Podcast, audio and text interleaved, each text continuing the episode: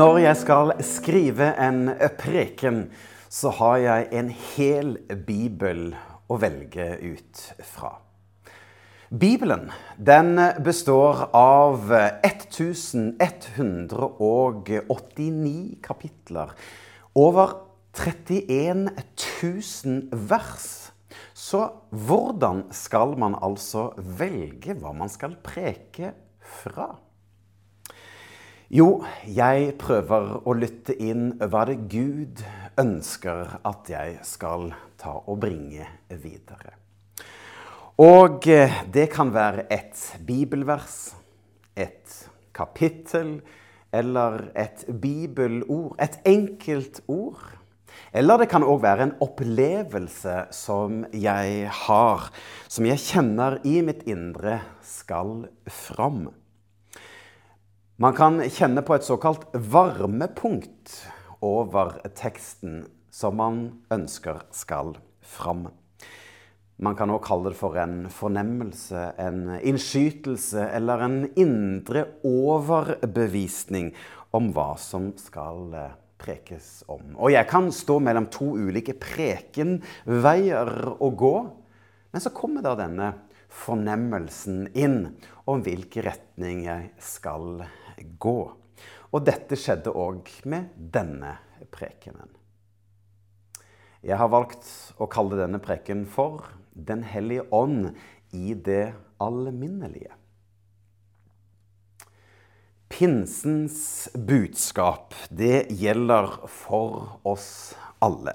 Og etter Jesu død og oppstandelse så gikk Jesus rundt på vår jord i flere uker. Og vi leser i Bibelen om flere mennesker som fikk se og oppleve han etter at han var oppstått. Vi kan lese om Maria og den andre Maria. Vi kan lese om Peter. Vi kan eh, lese om eh, disiplene uten Thomas, og ved en senere anledning disiplene også med Thomas. Vi kan lese om eh, disiplene som var på vei til Emmaus i Galilea, men òg disse 500 menneskene som vi leser om i første Korinterne. Men òg da Paulus på vei til Damaskus. Og sist, men ikke minst, ved Kristi himmelfart. Altså den dagen da Jesus for opp til himmelen. Og det at Jesus for opp til himmelen, det har gjort at det er mulig for ham å kunne sende ned sin ånd til vår verden. For pinsen er et enormt vendepunkt. For ser man tilbake igjen til Det gamle testamentet, så ser vi at Guds ånd kom over enkeltmennesker. Ja, om det var prester, profeter, ledere eller konger som Guds ånd kom over. Men det gjaldt ikke for alle. Og her er pinsens vendepunkt. Fordi at da Den hellige ånd kom ned til vår jord, så ble Jesu ånd, Den hellige ånd, tilgjengeliggjort for alle som tror på ham. Og vi skal lese hva som skjedde da i Apostlenes gjerninger, kapittel 2. Så kom den 50. dagen etter påsken, kalt for pinse. Ja, altså Pinse det betyr 50, eller 50. Altså på den 50. dag etter påske så kom da pinse. Og alle de troende var samlet på samme sted. Plutselig kom det en lyd fra himmelen. Det var lyden av en stormende, mektig vind, og den fylte hele huset der de satt.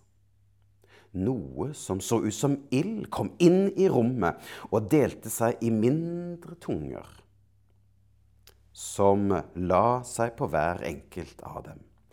I samme stund ble alle fylt med Den hellige ånd, og alle begynte å snakke nye språk etter som Den hellige ånd inspirerte dem til det. Dette var altså pinsedag hvor Ånden kom over disiplene for aller første gang. Og Jesus selv han òg pratet gjentatte ganger om Den hellige ånd, altså talsmannen som skulle komme. Og han sier i Johannes 14.: Alt dette har jeg eh, forkynt for dere mens jeg ennå var fysisk til stede hos dere. Men Den hellige ånd vil også tale til dere. I mitt navn vil han bli sendt til dere fra Gud, min far. Han skal undervise dere om alt det dere trenger å forstå, og han vil også minne dere om det jeg har sagt dere. Altså Den hellige ånds oppgave, det er å undervise, men òg å minne oss om det Jesus selv har sagt.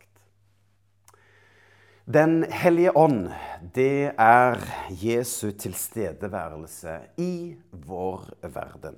Og det greske ordet som blir brukt for Den hellige ånd, parakletos, det oversettes i vår bibel til talsmannen. Og det er det samme ordet som brukes på advokat på latin. For ordet parakletos det brukes kun fire ganger i Det nye testamentet, og da av Johannes, som skriver dette. Og Derfor kan det være litt vanskelig å definere nøyaktig hva ordet parakletos betyr. For engelske bibeloversettelser de eh, oversetter dette ordet enten med trøster, med advokat, med rådgiver eller med hjelper. For ett av disse begrepene klarer ikke å synliggjøre summen av Den hellige ånd, hvem han er, men de ulike bibeloversettelsene kan være med å åpne øynene våre og forstå litt mer om Den hellige ånds rolle, funksjon og egenskaper. Altså Den hellige ånd som rådgiver, som trøster, som advokat og som hjelper. Og når Jesus selv sier at Ånden er sendt i hans navn, så betyr det at Ånden den arbeider i samsvar med Jesu person oppdrag og vilje.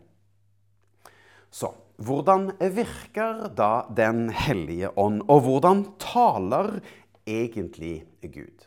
For i Bibelen så kan vi se at Den hellige ånd arbeider og virker på ulike måter. Ja, Vi kan lese om Samuel, unge Samuel, som var oppvokst i tempelet sammen med presten Eli. Og en natt så hørte da Samuel en stemme som ropte, men han gjenkjente ikke at det var Gud eller Guds ånd. Så Derfor så løp han inn til presten Eli. Og etter hvert så skjønte presten at det var Gud som talte. Og kanskje flere av oss også har hatt slike opplevelser. Ja, at vi kan høre noe, men òg at det er andre mennesker som hjelper oss vei, på veien for å oppdage og skjønne mer av hvordan Gud virker, og hvem Gud er. Men hvordan forventer vi at Gud skal virke? Og hva er vi opplært i. For jeg sitter igjen med en følelse, eller at vi er på sett og vis opplært i denne tydelige og klare måten som Gud taler på. Ja, kall det gjerne denne dramatiske måten som Gud kaller mennesker på, eller taler til. Eller vi kan ha ulike historier eller vitnesbyrd om at Gud virker så kraftig og manifesterende inn i våre liv. Og så blir vi så imponert over disse sterke historiene om hvordan Gud virker så tydelig iblant oss. Men er det slik at Gud alltid taler i store bokstaver og høy røst? Nei, det er ikke ikke alltid slik. For Gud kan gi seg til kjenne på ulike måter. Og jeg kan selv se tilbake på eget liv, hvor Gud har tydelig vært og talt inn i mitt liv. Eller jeg har kjent på Guds tilstedeværelse på en sterk måte. Men for min egen del så handler det mer om Gud som handler i det alminnelige, i det vanlige, i hverdagen, i det enkle og i det stille. Ja, som en fornemmelse, som en innskytelse eller en indre overbevisning. Så Derfor har jeg i dag lyst til å gå til en interessant historie i første kongebok. Og Vi skal til eh, ildprofeten Elia. Ja, denne profeten som fikk Gud til å sende ild fra himmelen. Og han som da ble hentet hjem til Gud på en ildvogn. Og eh, ja Elia han fikk med egne øyne se da spektakulære manifestasjoner av Gud. Men hør denne teksten, som viser en helt annen måte som Gud virker på. Første kongebok, kapittel 19. Der står det Da sa Herren, gå opp på fjellet og still deg opp foran mitt ansikt, så skal, jeg, så skal du få kjenne meg. Så kom en kraftig stormvind. Den var så stor og kraftig at den rev fjellene i stykker. Men Herren var ikke til stede i den kraftige vinden. Deretter kom et jordskjelv. Men Herren var heller ikke i jordskjelvet. Deretter så Elia flammer, men Herren var heller ikke i flammene. Så kom en svak, hviskende stemme. Straks Elia hørte dem, la han kappen foran ansiktet sitt. Så gikk han ut og stilte seg i inngangen til hulen. Plutselig kom stemmen til ham og sa, 'Hvorfor er du her, Elia?' Gud i det stille. For jeg tror at Gud kan, slik som ved disiplene fikk Den hellige ånd på en hellig dag, kan komme med spektakulære manifestasjoner.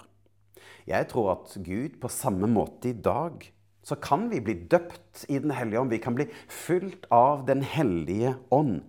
Og slike opplevelser er ofte skjellsettende, og det betyr mye. Og den fylden av Den hellige ånd den kan skje på ulike tidspunkt i den kristne liv.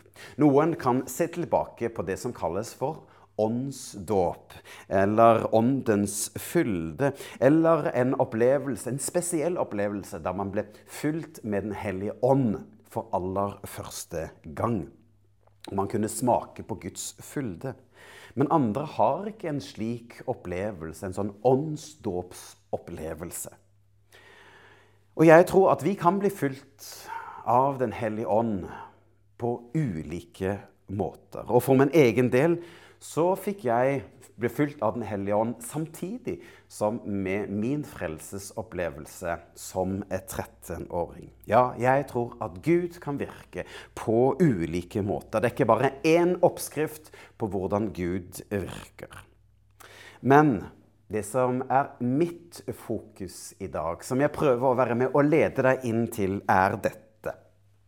Dersom vi kun er på leting etter de spektakulære manifestasjonene av Gud, så kan vi gå glipp av disse små hverdagsøyeblikkene hvor Gud åpenbarer seg for oss.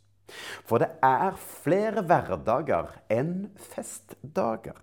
Så Derfor vil jeg si at vi trenger å være mer på jakt etter Guds inngripen i det små, i hverdagen, i det normale, i det alminnelige. For min del så handler det mer om at Gud virker i det normale, enn at han skal manifestere seg kraftig av og til eller ofte.